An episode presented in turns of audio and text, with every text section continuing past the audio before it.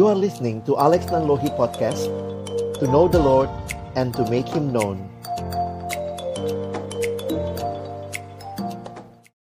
Baik, mari sama-sama kembali kita berdoa sebelum kita membaca merenungkan firman Tuhan. Kembali kami bersyukur ya Tuhan buat sukacita yang terus kami boleh rasakan di dalam Tuhan. Dan kesempatan ini kembali kami akan membuka firman-Mu, bukalah juga hati kami. Jadikanlah hati kami seperti tanah yang baik, supaya ketika benih firman Tuhan ditaburkan itu boleh sungguh-sungguh berakar, bertumbuh, dan juga berbuah nyata di dalam kehidupan kami. Berkati baik hambamu yang menyampaikan, setiap kami yang mendengar, juga diskusi di antara kami.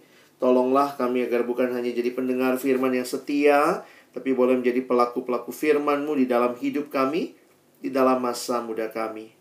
Bersabdalah ya Tuhan, kami anak-anakmu sedia mendengarnya, dalam satu nama yang kudus, nama yang berkuasa, nama Tuhan kami Yesus Kristus kami menyerahkan pemberitaan firman-Mu. Amin.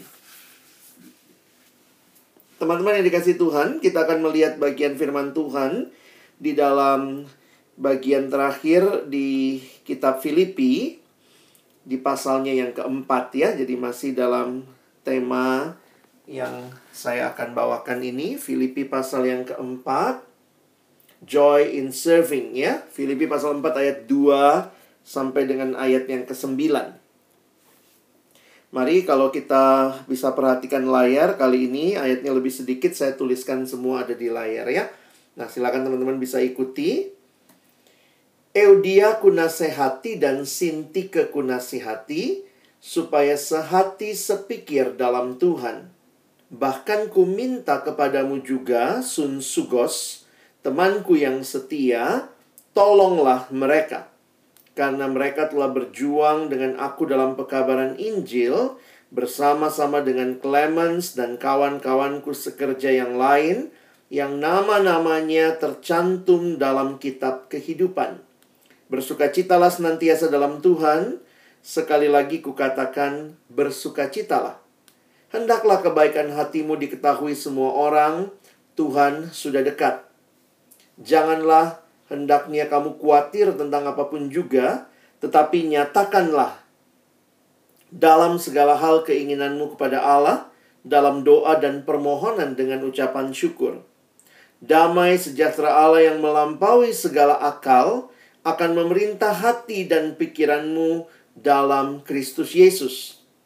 Jadi akhirnya, saudara-saudara, semua yang benar, semua yang mulia, semua yang adil, semua yang suci, semua yang manis, semua yang sedap didengar, semua yang disebut kebajikan dan patut dipuji, pikirkanlah semuanya itu.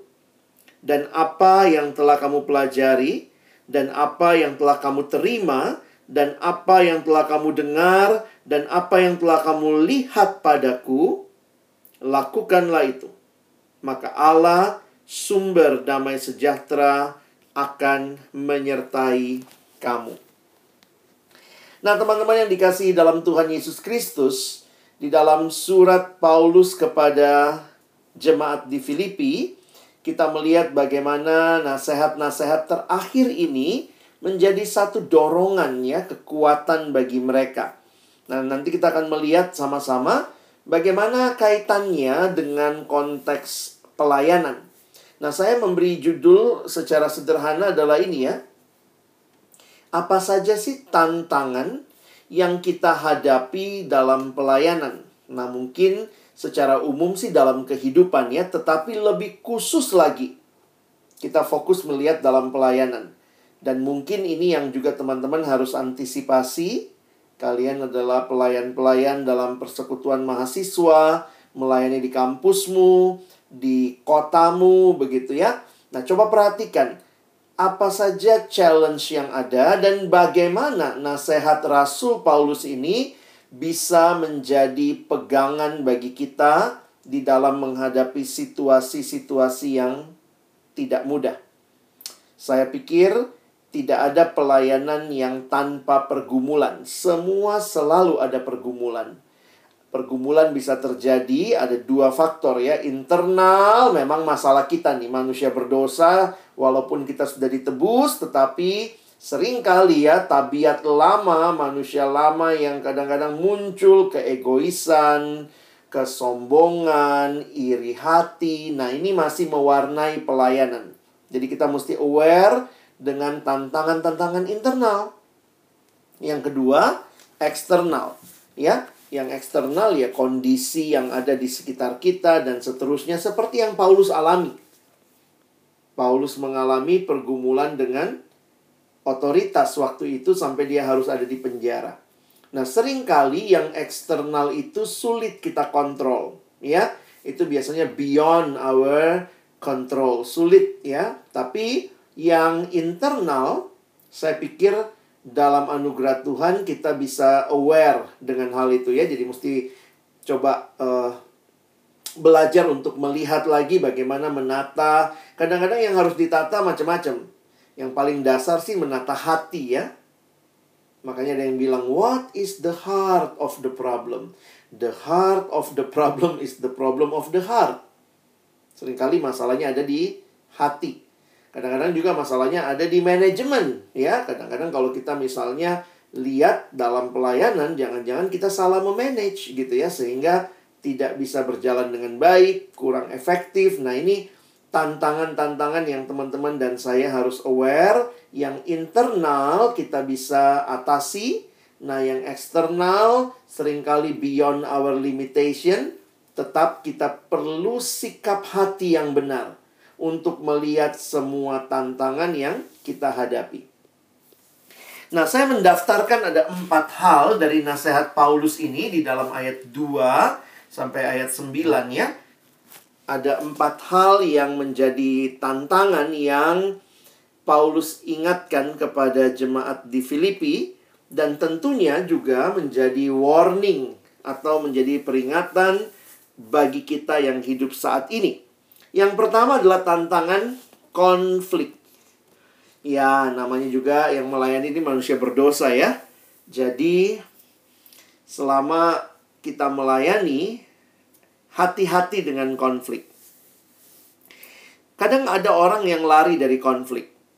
Nah, saya pikir sih tidak seharusnya demikian ya, belajar memanage konflik dengan baik. Ketika teman-teman dan saya juga ya, kalau kita lari dari konflik, sebenarnya kita tidak menyelesaikan apa-apa. Sementara kalau kita berani menghadapi konflik, kita berani menyelesaikannya, tentunya setelah kita melaluinya, kita pun juga jadi semakin bertumbuh, ya, makin dewasa, makin bisa memahami dengan lebih luas, begitu ya. Nah, jadi aware lah dengan konflik yang ada. Jadi jemaat Filipi walaupun mereka begitu suportif kepada Paulus, mereka support pelayanan Paulus, tetapi Paulus juga memperhatikan ada konflik yang muncul, ya. Perhatikan ayat 2 dan 3. Nah, kali ini konfliknya datang dari dua orang perempuan. Bukan berarti perempuan sumber konflik, enggak ya. Tapi konteks di dalam kitab Filipi masalahnya ada pada dua orang perempuan yang kalau kita lihat keterangannya, mereka bukan perempuan biasa. Bahkan, kalau kita lihat keterangan di ayat 3, mereka ini pelayan loh sama Paulus. Makanya Paulus bilang begini ya, karena mereka telah berjuang dengan aku dalam pekabaran Injil, bersama-sama dengan Clemens, dan kawan-kawanku sekerja yang lain yang namanya nama-namanya tercantum dalam kitab kehidupan. Nah, tapi tetap ada pergumulan. Nah, kita nggak tahu nih ya, kira-kira kalau perempuan berantemnya apa ya? mungkin masalah cara, mungkin masalah kebiasaan, yang satu merasa sebaiknya pakai cara ini. Sedih juga ya, gereja itu termasuk yang paling sering pecah ya. Kadang-kadang kalau lihat, wih, pecah lagi ada aliran baru. Kalau memang perpecahan yang terjadi karena egoisme itu sangat menyedihkan. Tetapi sering kali juga Tuhan mengizinkan perpecahan untuk pemurnian. Ya, seperti yang terjadi dengan lahirnya gerakan reformasi, ternyata cara Tuhan untuk makin memurnikan gerejanya. Ya, nah, uh, bagaimana menghadapi konflik? ya hadapi gitu ya. Ada dua pilihan katanya kalau konflik. Fight atau flight. Flight itu terbang ya. Jadi banyak orang yang lari dari konflik, flight. Tapi mari kita belajar fight dan dalam situasi tertentu karena mungkin yang berkonflik ini sulit sekali untuk bisa berdamai, maka perhatikan ayat 3 Paulus menggunakan perantara. Nah, gitu ya. Paulus minta temen, ini ada yang namanya Sun Sugos, temanku yang setia. Tolonglah mereka. Kalau lihat gambar ini ya, kadang-kadang kalau udah dua pihak itu maunya saling menghakimi, saling menjatuhkan, menganggap diri lebih benar. Nah, memang sering kali dalam konflik butuh orang ketiga, ya.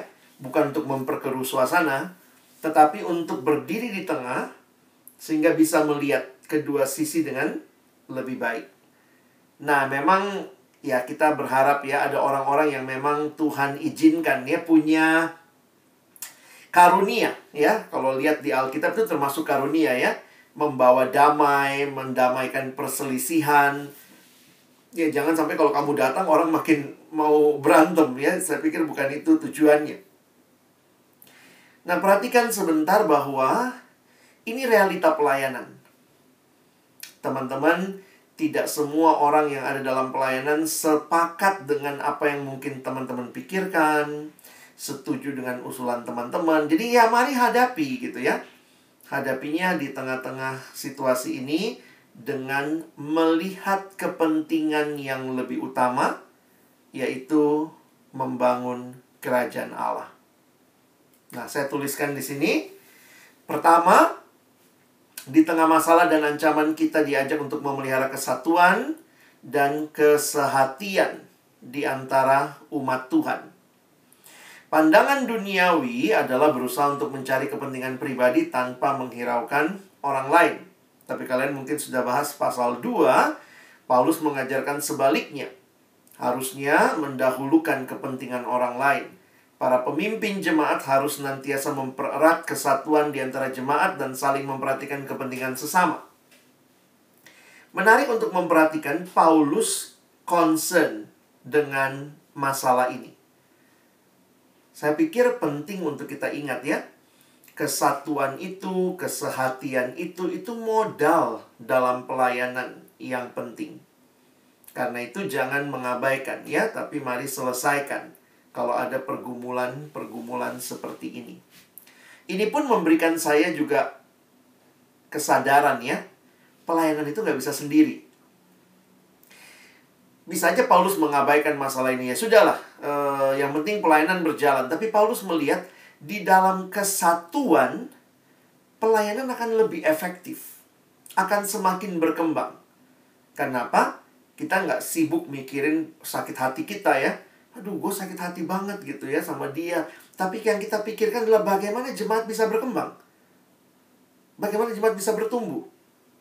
Nah karena itu teman-teman mari bangun lah ya, bangun persahabatan kalau saya boleh pakai istilah itu ya. Kita bersyukur sebenarnya acara seperti ini WPP bisa mengakrabkan kita.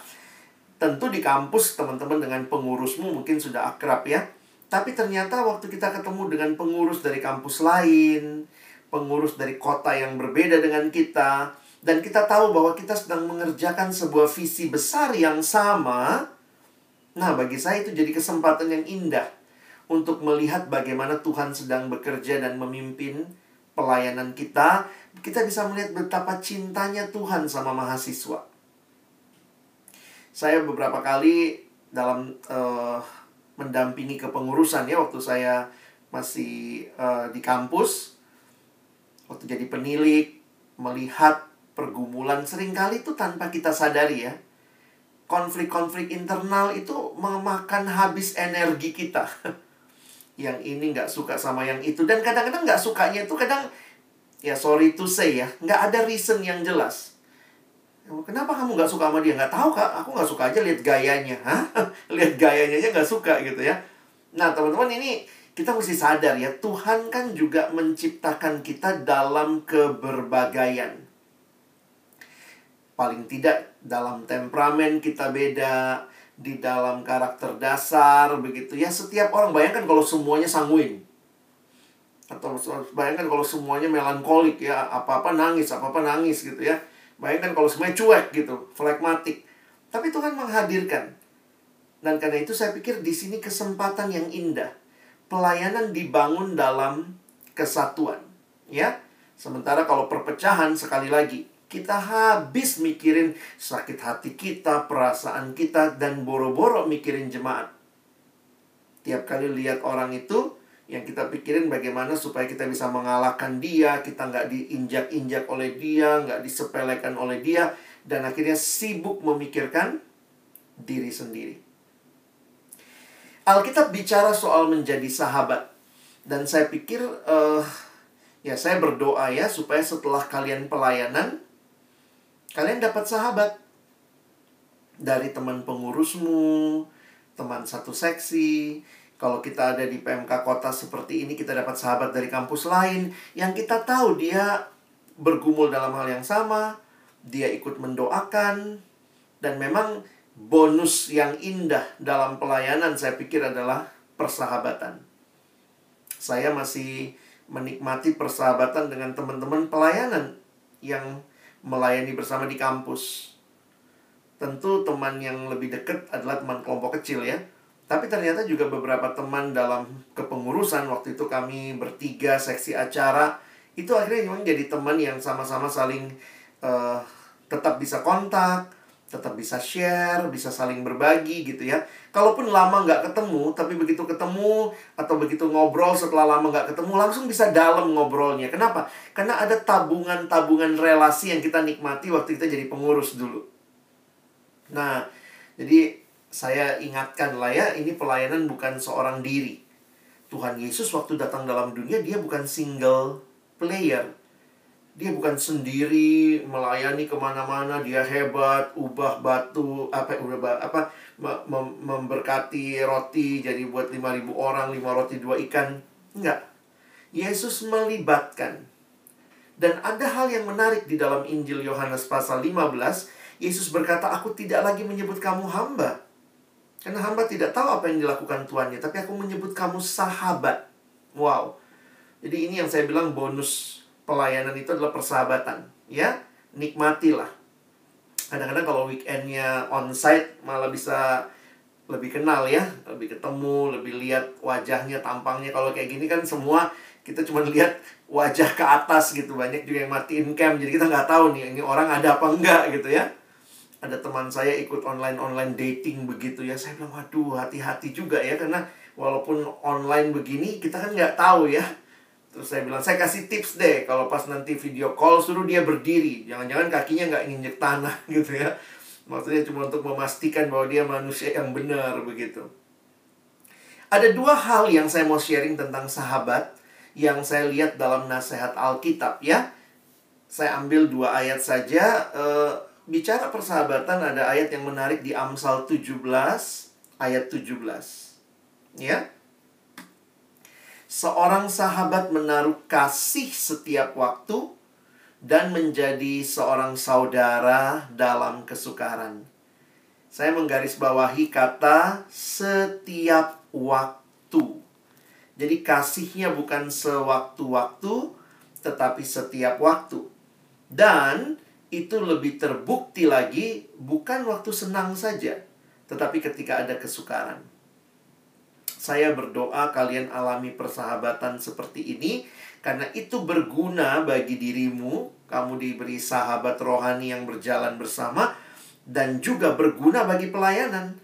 Kalau kita satu hati, kita tahu teman kita punya maksud yang baik. Jadi kadang-kadang gini, kalaupun kita beda pendapat, kita tahu kok dia bukan mau merusak persekutuan.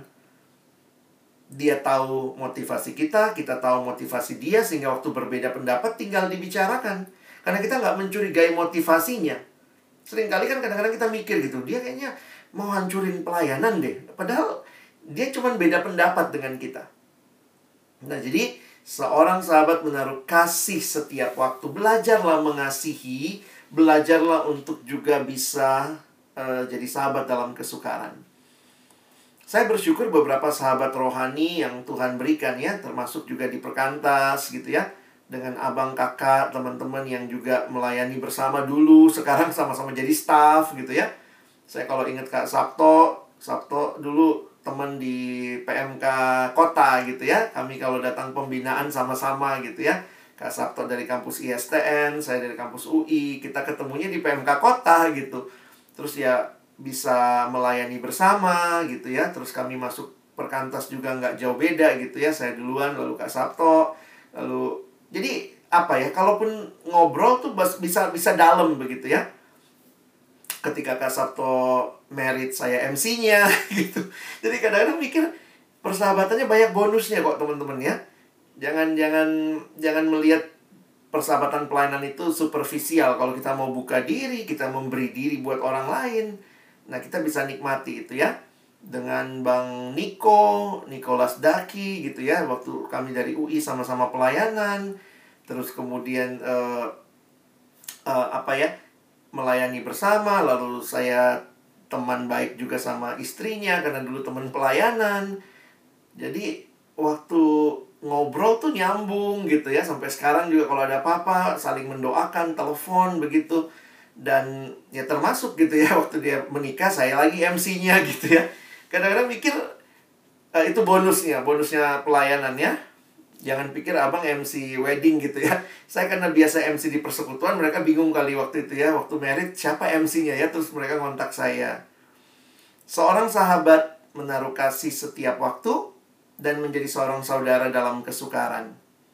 Nah di Amsal 27 ayat 17, ada ayat yang lain lagi ini dalam kitab yang sama mengatakan besi menajamkan besi, orang menajamkan sesamanya. Nah, di dalam terjemahan bahasa Indonesia masa kini, sebagaimana baja mengasah baja, demikian pula manusia belajar dari sesamanya. Walaupun tidak ada kata sahabat secara khusus muncul di sini, tetapi saya melihat kalau bisa saling mengasah, itu berarti dia dekat. Iya dong, nggak mungkin besi yang ini mengasah besi yang ini kalau nggak pernah ketemu. Jadi saya mengkategorikan juga ini bicara tentang relasi yang dekat, relasi persahabatan. Di mana terjadi saling mengasah. Teman-teman kita harus bersyukur kepada Tuhan ya, bahwa Tuhan memberikan orang lain juga untuk mengasah hidup kita. Dan kita pun diberikan Tuhan untuk mengasah hidup dia. Jadi dalam kelompok kecil ini kelihatan benar ya. Saling mengasah, saling belajar satu sama lain. Jadi saya melihat jangan anti dengan perbedaan.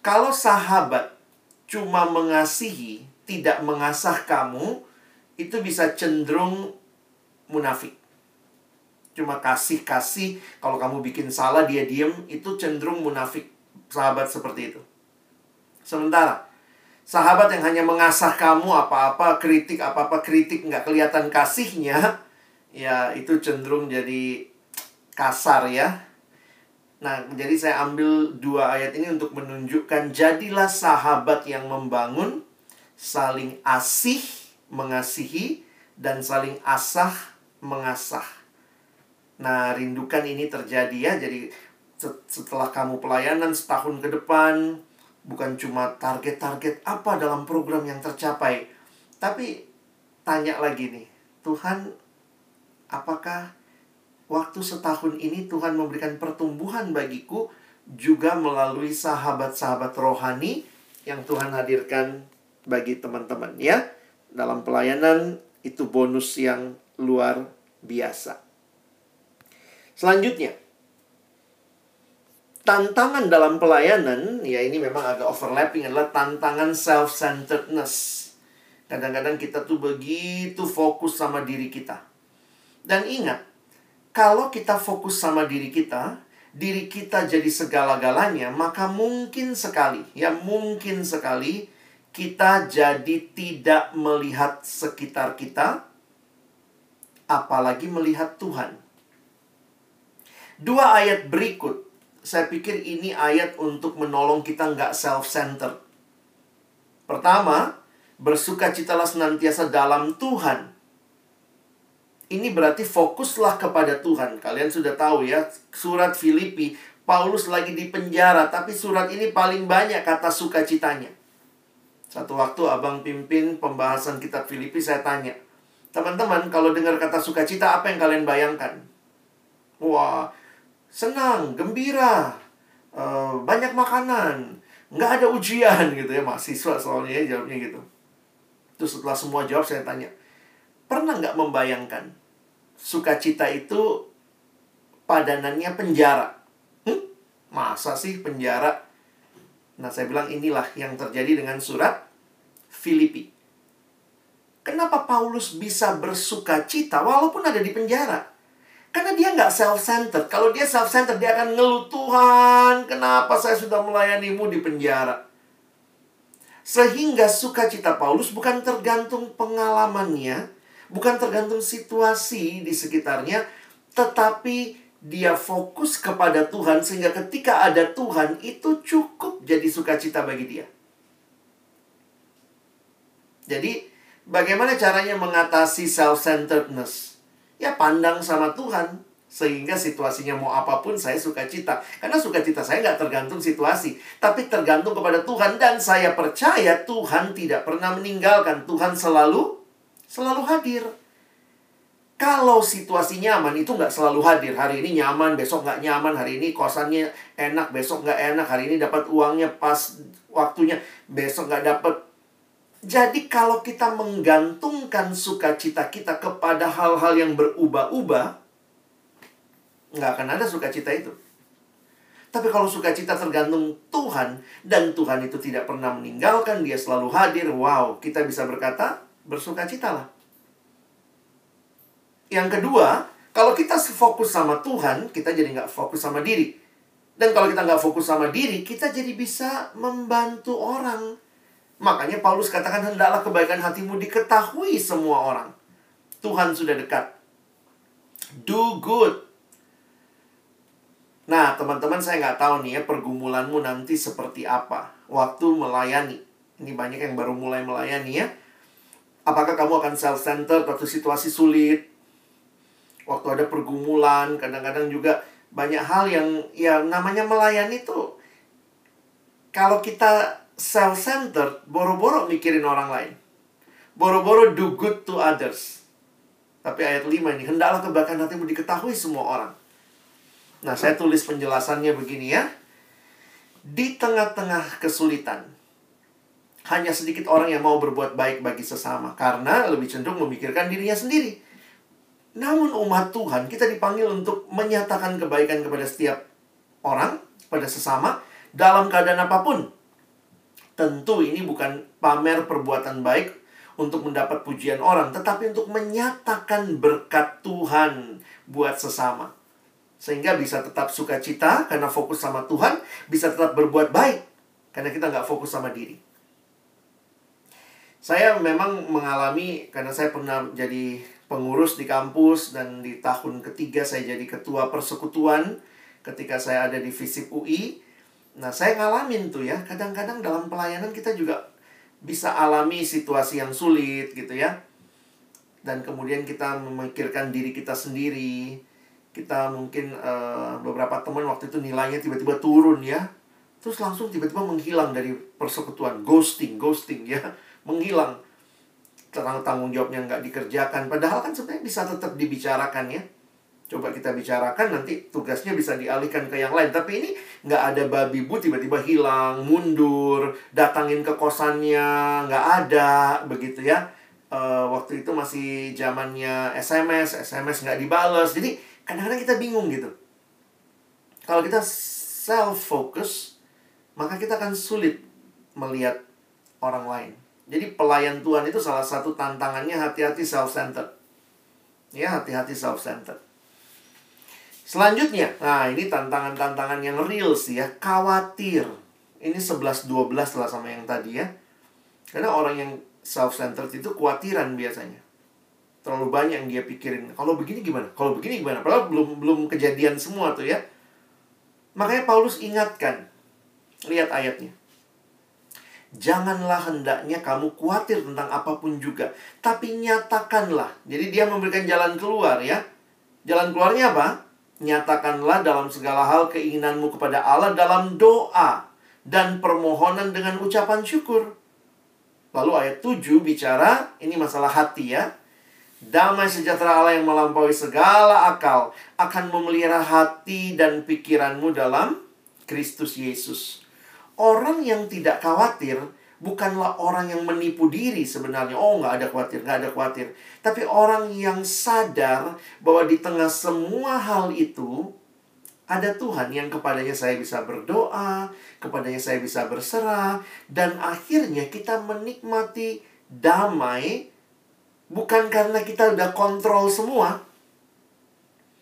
Saya makin sadar ya, damai sejahtera Allah yang melampaui segala akal itu yang memberikan ketenangan di saat saya sendiri nggak sanggup mengontrol semua hal.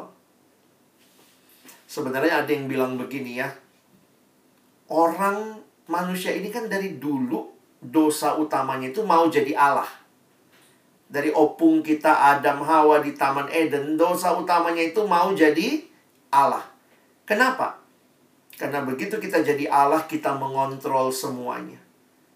Kadang-kadang dalam hidup banyak hal yang nggak pasti kan? Apalagi lagi corona begini. Wow. Jadi sebenarnya ketidakpastian itu sudah realita hidup kita sebagai manusia. Karena yang pasti itu cuma Tuhan yang punya kepastian. Nah, kalau saya berusaha mengatasi semua ketidakpastian itu, usaha saya supaya tidak semua pasti, semua pasti. Tapi kan ada realita yang kita nggak bisa kontrol.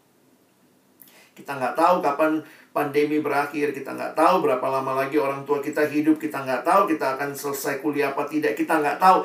Kita berjuang, oke. Okay. Tetapi kita nggak bisa memastikan semuanya. Bayangkan, dosa yang sama terulang yang di Taman Eden. Saya mau mengontrol semuanya. Tuhan bilang, no. Aku yang kontrol semuanya.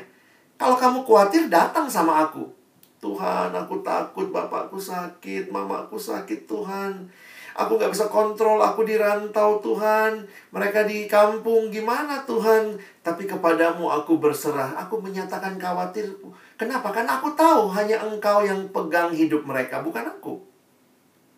Dan kalau kita bisa berserah seperti itu, damai sejahtera Allah melampaui segala akal, nggak pernah kepikir memelihara hati kita dan pikiran kita dalam Kristus. Orang melayani itu banyak yang kita nggak tahu ya, program ini jalan apa tidak, nanti gimana ya, makanya ya kita persekutuan doa jadi bagian penting dalam pelayanan, karena kita berserah. Kita menyerahkan kepada Tuhan yang mengontrol, mengendalikan segala sesuatu. Stop jadi Allah. Kamu bukan Allah. Saya bukan Allah. Tapi belajar percaya kepada Allah. Tidak pernah di Alkitab kita disuruh jadi Allah. Kita diminta percaya, berserah kepada Allah. Dalam pelayanan hati-hati.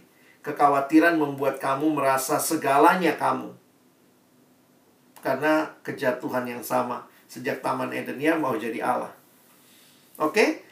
Saya tuliskan jika kita hidup dalam kekhawatiran, maka kita akan tunduk dan dikuasai oleh kekhawatiran itu. Jika kita berdoa dan bergantung kepada Tuhan, maka damai sejahtera Tuhan akan mengendalikan dan memimpin hati dan pikiran kita. Ingat ya, banyak kali kita terjebak dalam kekhawatiran. Yang terakhir, tantangannya apa? saya simpulkan negative thinking ya. Jadi yang pertama tadi bicara tentang konflik, hati-hati sama konflik. Yang kedua kita lihat self-centeredness. Yang ketiga kita lihat kekhawatiran, yang keempat neti, negative thinking. Nah, ini sering kali muncul ya. Ini sama ya, akar-akar dosa semua ini. Self-centered, jadi khawatir, negative thinking. Kenapa ini jadi sesuatu yang Paulus harus sampaikan? Karena nampaknya ada jemaat, orang-orang dalam jemaat yang terpengaruh hal ini. Karena itu lihat bagaimana Paulus mengatasi ini. Perhatikan ayat 8 dan 9. Jadi akhirnya saudara-saudara, semua yang benar. Nah, ini kan semua kehidupan dalam Tuhan ya. Semua yang benar, semua yang mulia, semua yang adil, semua yang suci, semua yang manis, semua yang sedap didengar. Jadi jangan negative thinking. Anak kelompok cilmu nggak datang langsung bilang, wah dia lagi bikin dosa apa ini? Apa yang dia lakukan? Aduh, kenapa? Langsung negative thinking. Mari kita belajar percaya sama Tuhan. Saya waktu baca ayat-ayat ini ya, Coba deh baca pelan-pelan semua yang benar, semua yang mulia, semua yang adil, semua yang suci, semua yang manis, semua yang sedap didengar, semua yang disebut kebajikan dan patut dipuji. Pikirkanlah semuanya itu. Ya. Ayat 9. Dan apa yang telah kamu pelajari, kamu terima, kamu dengar, kamu telah lihat daripada aku, lakukanlah itu, maka Allah sekali lagi sumber damai sejahtera akan menyertai kamu. Saya nggak tahu nih pelayananmu nanti negatif thinkingnya apa atau mungkin bukan pelayanan hidupmu pun kamu negatif thinking ya. Aduh nanti gimana ya nanti ini gimana sekali lagi negatif thinking khawatir self centered itu saudara sepupu semua kembar bahkan mereka ya. Dan Paulus ingatkan stop pikirin yang baik Nah, apakah Paulus mengajarkan positive thinking jadi toxic positivity? Ah, ini kan sekarang kita suka bicara begitu ya. Kayaknya ayatnya toxic positivity ya. Karena kan Paulus lagi dalam penjara, terus Paulus bilang, "Jangan pikir penjara, pikir yang benar, yang mulia, yang adil, yang apa." Nah, saya ngelihat ini bukan toxic positivity, teman-teman. Paulus tidak menutupi dia di penjara. Buktinya dia udah tulis di pasal 2, "Saya di penjara." Jadi Paulus nggak bilang, aku nggak di penjara, aku nggak di penjara. Itu menyangkali kenyataan. Paulus tidak melakukan itu. Tetapi, situasi yang sulit tidak menutup Paulus untuk memikirkan yang lebih jauh yang Tuhan mau dia pikirkan. Nangkep ya? Kalau situasi sulit membuat kita sering kali negatif thinking, mikir diri sendiri, nah ini yang terjadi boro-boro mikir yang ke depan, Paulus mikirnya apa? Kalau aku bebas nanti, aku mau kunjungin kamu. Hebat itu. Dia tahu dia lagi di penjara, tapi dia memikirkan yang baik. Saya akan kunjungi kamu nanti kalau saya bebas ya. Saya selalu doain kamu. Jadi ini sesuatu semangat yang lahir dari apa? Nah, di sini bedanya. Paulus juga bukan positive thinking yang seolah-olah meniadakan situasi, hanya berhalusinasi, halu dia, atau sekedar wishful thinking, cuman mikir sesuatu yang ke depan. Tidak. Kuncinya ada di ayat 9. Apa yang telah kamu pelajari, kamu terima, dan apa yang telah kamu dengar, apa yang telah kamu lihat padaku, lakukanlah itu. Apa sih yang diterima dari Paulus? Yang kamu pelajari, kamu terima, saya menyimpulkan ini adalah firman Tuhan. Jadi, kalau kalian bayangkan, yang Paulus maksudkan di sini adalah begini. Situasimu boleh sulit. Mungkin buat beberapa orang sudah negatif thinking. Tapi kalian, no. Pegang janji Tuhan. Jadi bukan sekadar uh, positive thinking yang percaya pada diri ada orang positif thinking tapi pede. Pede sama diri sendiri yang cenderung sombong. Aku bisa, aku bisa, aku bisa. Itu yang modelnya positive thinking di masyarakat sekarang. Tapi ini positive thinking karena berpegang pada janji Tuhan. Yang kamu pelajari, yang kamu terima, yang kamu dengar, yang kamu lihat daripada aku. Dan memegang firman Tuhan itulah damai sejahtera menolong kita. Bahkan di situasi yang paling sulit. Nah, ini keterangan yang saya tuliskan ya. Berpikir mengenai hal-hal yang baik dan mulia adalah langkah pertama untuk tidak dikuasai masalah. Namun, agar dapat lolos dan menjadi pemenang, kita perlu mempraktekkan semua pikiran baik tersebut. Karena itu, pilihlah untuk mengambil sikap yang positif di tengah-tengah arus dunia ini. Ingat, sikap positif itu bukan berdasarkan akal budi kita semata-mata. Kalkulasi kita, perencanaan kita, silahkan itu tidak ada salahnya dibuat, tetapi tidak menjadi satu-satunya dasar. Karena kita melihatnya melampaui itu. sikap positif kita berdasarkan pada janji firman Tuhan. Saya beberapa kali membaca surat-surat Paulus, dia positif banget attitude cara berpikirnya ya. Tetapi bukan berdasarkan PD. Saya pasti bebas, saya pasti bebas, saya akan kunjungi kamu. Tapi dia meyakini Tuhan memberikan janji. Kalau kalian baca Filipi 1, ya, Filipi 1 ayat 27 sampai 30 gitu ya. Dia bilang kalau aku masih hidup itu berarti bekerja dan memberi buah. Karena itu yang Tuhan mau. Dia pegang janji Tuhan. Dan saya pikir kita butuh hal seperti ini ya. Saya nggak tahu pergumulan apa yang teman-teman nanti akan alami dalam pelayanan, tapi mari berakar pada firman. Makanya rajin baca Alkitab ya. Pegang janji Tuhan, berjalanlah dalam pengurusanmu bersama dengan Tuhan dan nikmati janji-janjinya itu meneguhkan kamu. Nah, teman-teman yang dikasih Tuhan, jadi inilah yang saya rindukan joy in serving kalau kita lihat kuncinya sebenarnya ada kepada fokus sama Tuhan. Dari tadi kita bicara soal konflik, dalam konflik hadapi, lihat kepentingan kerajaan Allah, fokuslah sama Tuhan. Sehingga kita berjuang mengatasi konflik supaya apa? Kerajaan Allah makin maju. Apalagi tantangannya tadi? Kita punya tantangan self-centered. Kita susah sekali untuk memikirkan orang lain kalau self-centered. Karena itu fokus sama Tuhan. Kalau kamu fokus sama Tuhan, kamu bisa suka cita. Kalau kamu fokus sama Tuhan, kamu bahkan bisa berbuat baik. Terus kepada orang lain, terus melayani. Selanjutnya tantangannya tadi khawatir. Waktu khawatir ya fokus lagi sama Tuhan. Percaya, bukan kamu Tuhannya.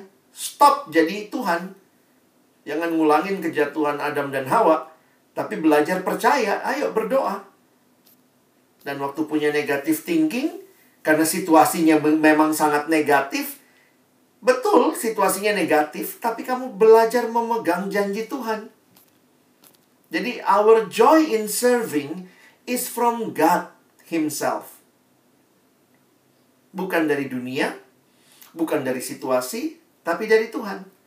Teman-teman yang mengutus kita sore hari ini mengakhiri WPP kita adalah Tuhan. Yang memberikan kepada kamu kekuatan janji dan Tuhan yang rindu kamu alami sukacita karena dia hadir. Bukan sukacita karena kamu bisa, kamu dapat, kamu mampu, situasi nyaman. Kalau sukacita kita tergantung semua itu, itu nggak everlasting. Tapi our true joy in serving is from God. Nah, jadi teman-teman, saya akhirnya menyadari ya, saya tutup dengan satu buku yang saya baca. Saya baca buku ini. Sudah diterjemahkan, tapi uh, sorry, saya kayaknya kutip Inggrisnya di sini ya. Dalam buku Cultivating the Fruit of the Spirit, sudah diterjemahkan oleh literatur perkantas Jawa Timur, Bapak Christopher Wright menulis hal yang menarik ya. Waktu dia bicara salah satu buah roh adalah sukacita. Ada kalimat yang saya terkesan, dia bilang begini. Kalau pelajari Filipi, Tuhan itu tidak hanya mau kita bersuka cita. Dengar kalimat saya. Tuhan tidak hanya mau saya, Tuhan tidak hanya mau kita bersuka cita. Tetapi Tuhan memerintahkan kita bersuka cita. Saya ulang ya. Tuhan bukan hanya mau kita suka cita. Ayo dong, sukacita dong. Kalau kayak gitu kan Tuhan kayak, e, aku pengen deh, Tuhan pengen deh kalian umatku sukacita. No, Tuhan tidak hanya ingin kita bersuka cita. Tapi dia perintahkan. Dari mana bang? Ayat tadi. Bersukacitalah. Itu dalam kalimat aslinya. Bahasa Indonesia juga udah kelihatan. Itu kan, itu bukan seruan ajakan. No. Kalau kalian lihat tenses aslinya, itu imperatif. Jadi nggak bersukacita dosa. Karena itu perintah. Perintah. Kenapa kita bisa diperintahkan seperti itu? Tetaplah bersukacita. Bersukacitalah. Kenapa? Karena Tuhan selalu hadir. dan kehadiran Tuhan yang selalu ada itu, itulah sumber sukacita. Kalau Dia selalu hadir, maka kita selalu bisa bersukacita. Kalau kamu dan saya bersukacita karena kondisi, kadang-kadang kita sulit sukacita karena kondisi lagi nggak enak. Kalau kamu dan saya bersukacita karena pelayanan lancar, kadang-kadang pelayanan lancar, kadang-kadang enggak. Jadi berarti kadang sukacita, kadang tidak. Apa yang selalu ada? Allah. Dan karena dia selalu ada, dia berhak memerintahkan engkau dan saya bersuka cita. Berarti apa?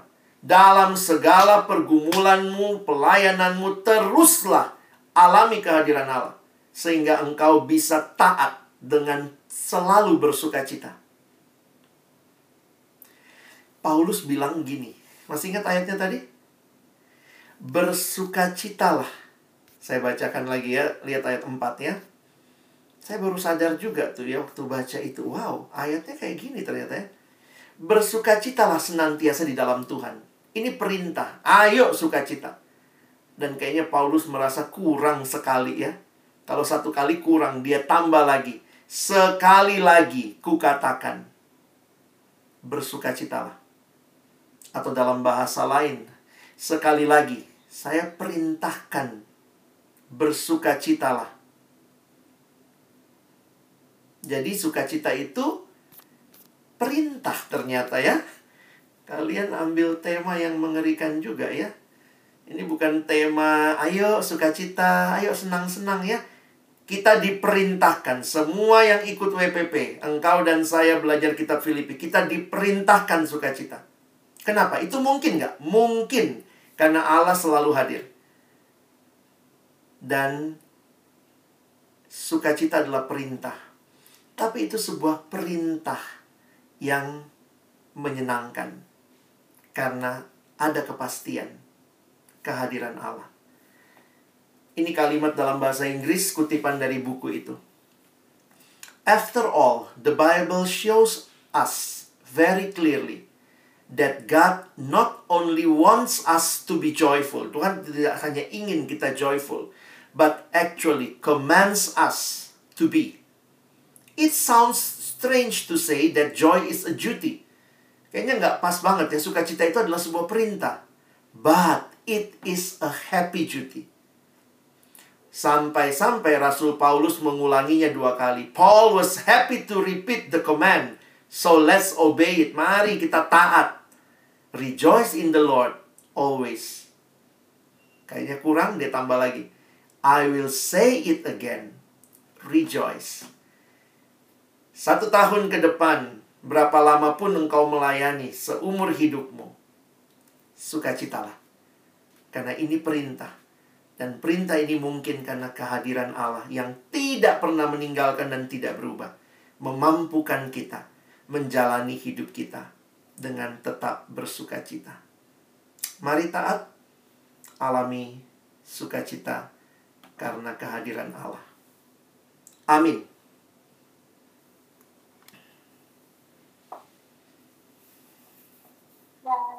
Oke. Kita sekarang di tanya jawab. Buat teman-teman semua yang punya pertanyaan yang mau disampaikan, silahkan disampaikan bisa langsung open mic atau menuliskannya di kolom chat. Persilahkan buat teman-teman semua.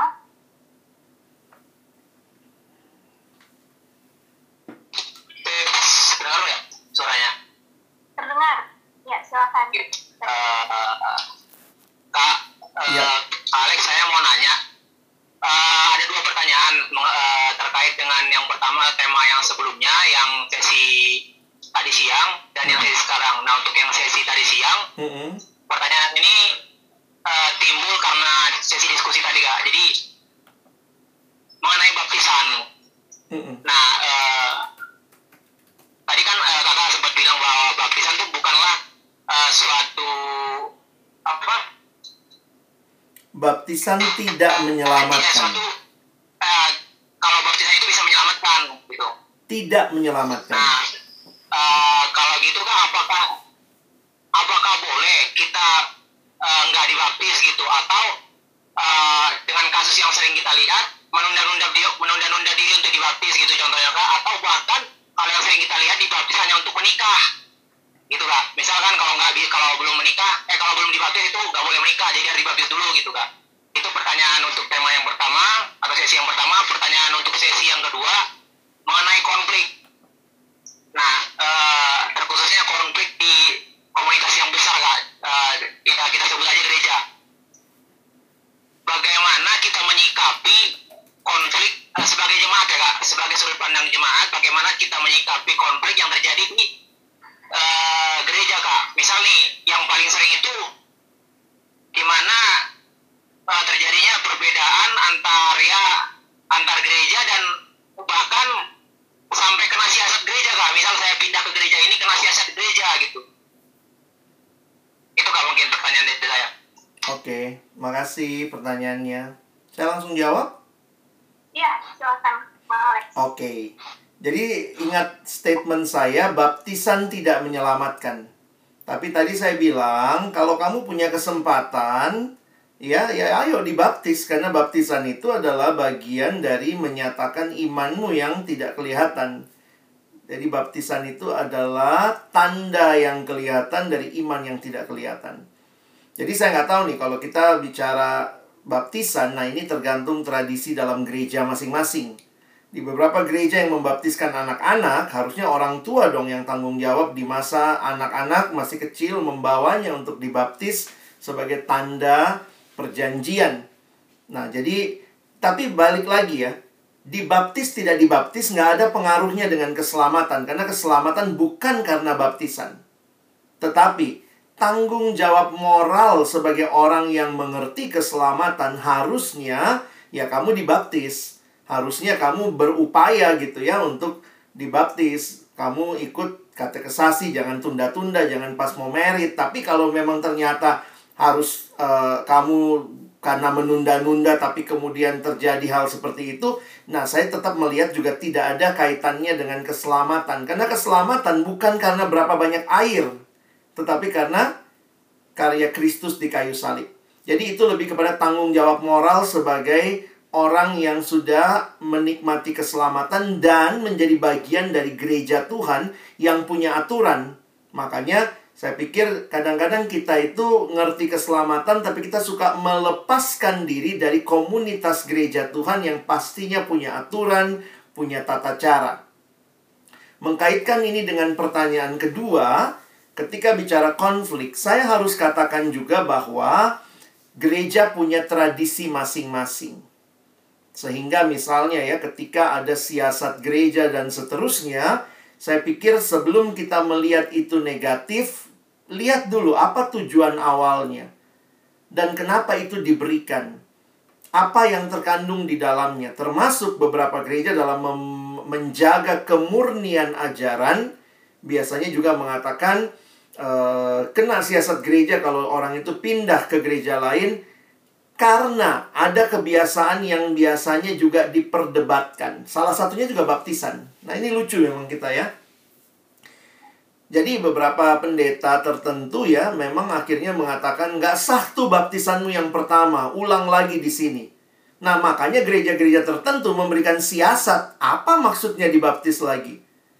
Langsung kena siasat itu dalam arti dia mempermainkan arti baptisan yang sudah dia terima. Jadi kalau kita ngerti orang kena siasat, mesti ngerti juga apa alasannya dan kenapa.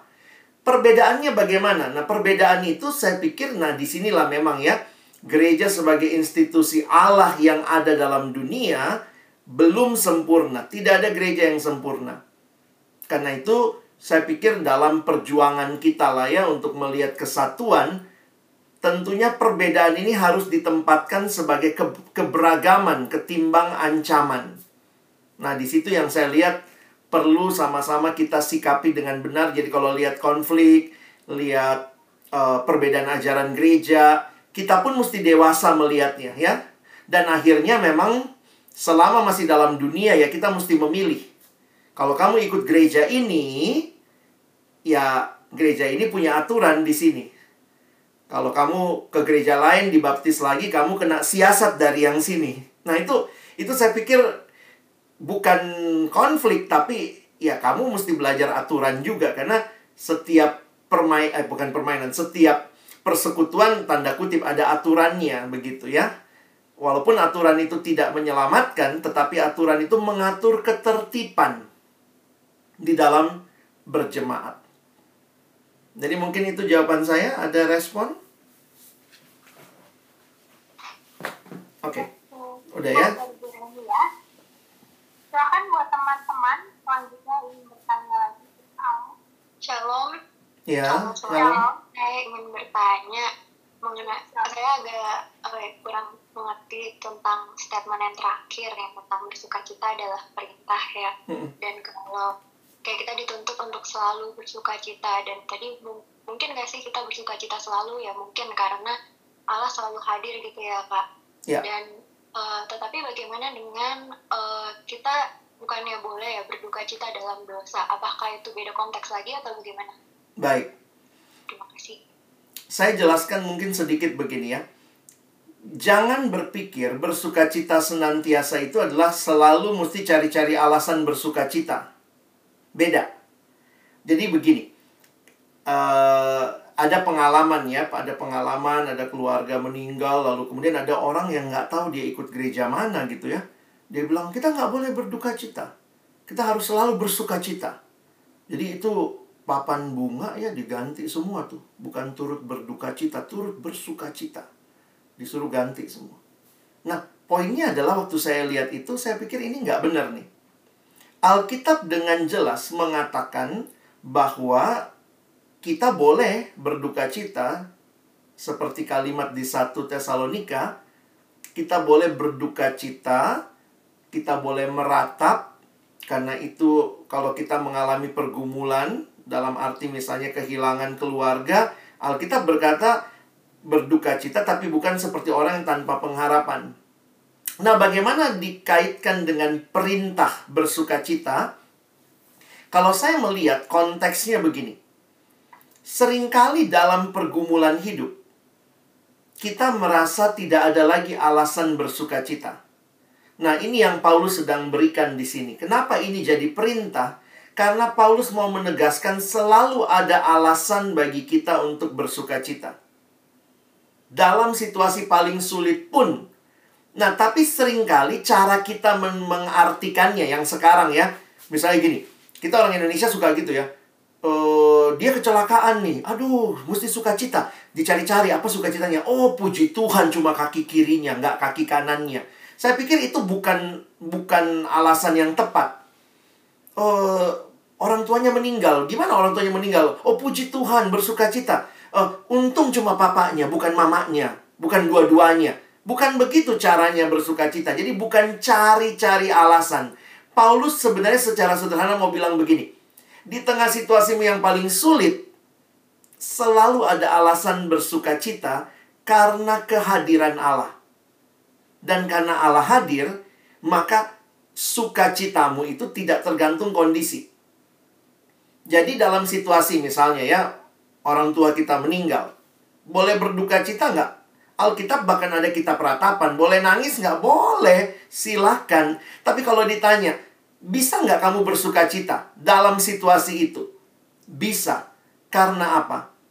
Sukacita itu bukan ketawa-ketawa ya. Ini kadang-kadang kita suka ngerti sukacita itu ketawa-ketawa, kayaknya happy-happy. Bukan. Sukacita itu adalah alasan hati yang tetap menikmati kehadiran Allah.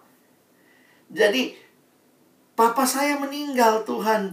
Tapi Tuhan engkau tetap ada buat saya, buat mama saya, buat keluarga saya. Itulah sukacitaku. Jadi sukacita itu bukan ketawa ketiwi, bukan. Cara mengertinya harus lain ya. Nah, jadi Paulus tidak sedang mengatakan dalam semua hal abaikan kesedihanmu apa enggak. Tapi Paulus mau menunjukkan bahwa ada situasi di mana ada ada ada situ ada ada sukacita, ada perasaan hati yang bisa tetap kita nikmati kehadiran Allah tanpa tergantung situasi. Masih ingat kan Paulus dalam penjara. Dalam penjara sedih nggak sih? Sedih. Paulus pun sadar itu nggak enak. Paulus sadar banget dia mau mati juga kan dia bilang ya di pasal 1 gitu. Tapi dia tetap bisa mengatakan jadi mungkin gini, bersuka cita itu berpengharapan, tidak berputus asa, tetap meyakini bahwa ada Tuhan dalam situasi hidup. Jadi sekali lagi itu tidak kontradiksi dengan uh, meratap, sedih, enggak. Itu itu justru melengkapi. Di tengah-tengah situasi kamu sedih, tetap Tuhan hadir dan itu alasanmu untuk bersuka cita. Bukan kesedihan yang disuka citain Oh puji Tuhan papaku meninggal, puji Tuhan mamaku sakit. Bukan itu. Tapi kehadiran Tuhannya yang jadi dasar kamu terus berharap. Begitu ya? Bisa jelas deh? Iya, baik. Terima kasih. Sama-sama. Terima kasih dulu pertanyaannya. Buat teman-teman yang lain, silakan. Jika masih ada pertanyaan. Halo Kak, mau tanya. Saya ya. dari Akak ketemu ayat yang bilang tadi tentang clemens yang, yang ada dua orang apa namanya itu konflik itu nah Paulus bilang apa namanya kita orang-orang yang nama kita sudah ada di surga gitu itu kiasan untuk maksudnya kita mengimani kalau kita ikut Kristus kita diselamatkan atau gimana kak boleh jelaskan masih Sorry dek, suaramu terlalu tipis, saya nggak dengar. Maksudnya apa okay. tadi? Ayat mana yang saya bilang? Ayat yang ada nama Clemens itu kak. Oh oke. Okay. Mm -hmm. Nah, saya lihat tuh. Kenapa itu maksudnya uh, namanya tercatat di surga ya? Dia bilang bahkan ku minta kepadamu juga sungguh-sungguh mm -hmm. temanku yang setia tolonglah mereka karena mereka telah berjuang dengan aku dalam pekabaran Injil bersama sama dengan Clemens dan kawan-kawanku sekerja yang lain yang nama-namanya tercantum dalam kitab kehidupan. Mm-hmm. Ini uh, berupa iman Paulus kata-kata yang nama-namanya tercantum dalam kitab kehidupan atau kayak Paulus tahu dari mana kalau mereka nama-namanya tercantum dalam kitab kehidupan atau itu berupa iman dia gitu kan masih Ya, mungkin saya harus ingatkan bahwa kekristenan punya keyakinan keselamatan. Saya yakin. Kamu yakin. Jadi maksudnya gini, jangan jangan berpikir bahwa uh, memang pada akhirnya kan keselamatan itu dari Tuhan ya. Nah, dalam keyakinan kita akan keselamatan kalau kita belajar MHB juga kan bab bab 1 tuh udah diajarkan tentang keyakinan keselamatan. Jadi uh, kalau kamu sudah terima Yesus, kamu yakin nggak selamat? Kalau kamu bilang kamu yakin selamat, berarti namamu ada di kitab kehidupan itu bukan bukan iman yang uh, kalau iman apalagi uh, insya Allah gitu ya ada di sana gitu bukan kamu udah terima Yesus kan ada ayatnya ya. setiap orang yang menerimanya diberinya kuasa supaya menjadi anak Allah yaitu mereka yang percaya dalam namanya 1 Yohanes 5 ayat 11 eh ayat yang ke 11 12 gitu ya barang siapa yang mengatakan percaya pada Yesus jadi saya pikir gini uh, iman kepada Tuhan itu memastikan kita kan sama ya Yohanes 3:16. Karena begitu besar kasih Allah kan dunia ini sehingga setiap orang yang percaya kepadanya tidak binasa. Setiap orang yang percaya kepadanya tidak binasa, melainkan beroleh hidup yang kekal. Sudah percaya? Udah terima Yesus? Kalau kamu percaya, hidup kekal. Kamu nggak percaya, ayat 18, kamu akan dihukum.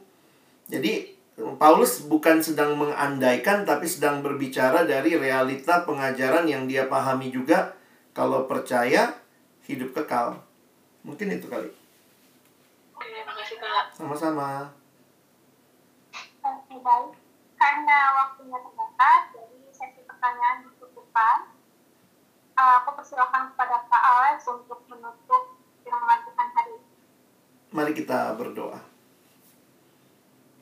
Tuhan terima kasih banyak karena sebelum kami melayani lebih lanjut Tuhan memberikan kekuatan melalui kebenaran firman-Mu untuk pelayanan kami secara khusus dan bahkan untuk seluruh hidup kami di dalam Engkau. Terima kasih hamba menyerahkan teman-temanku yang rindu melayanimu ya Tuhan dengan seluruh hidup mereka. Biarlah sungguh Tuhan Engkau yang memimpin, Kehadiranmu itulah yang memberikan kepada kami alasan untuk tetap bisa taat, bersuka cita. Ampuni kami yang mungkin sering kali meragukan Engkau. Ampuni kami yang masih mengandalkan diri kami. Ampuni kami yang khawatir berlebihan. Ampuni kami yang self-centered. Ampuni kami yang sering kali negative thinking. Dan kami mohon, fokus kami kepadamu. Menolong kami terus bangkit dan melayani Tuhan di dalam kehidupan kami ke depan. Terima kasih karena melalui weekend ini juga Tuhan berbicara banyak hal kepada kami. Tolong kami bukan cuma jadi pendengar firman yang rajin mendengar, dapat banyak informasi, rajin mendiskusikan, tetapi terlebih lagi Tuhan. Jadikan kami pelaku-pelaku firman-Mu di dalam hidup kami. Inilah doa kami, ucapan syukur kami, kami menutup firman Tuhan dalam nama Tuhan Yesus kami berdoa. Amin.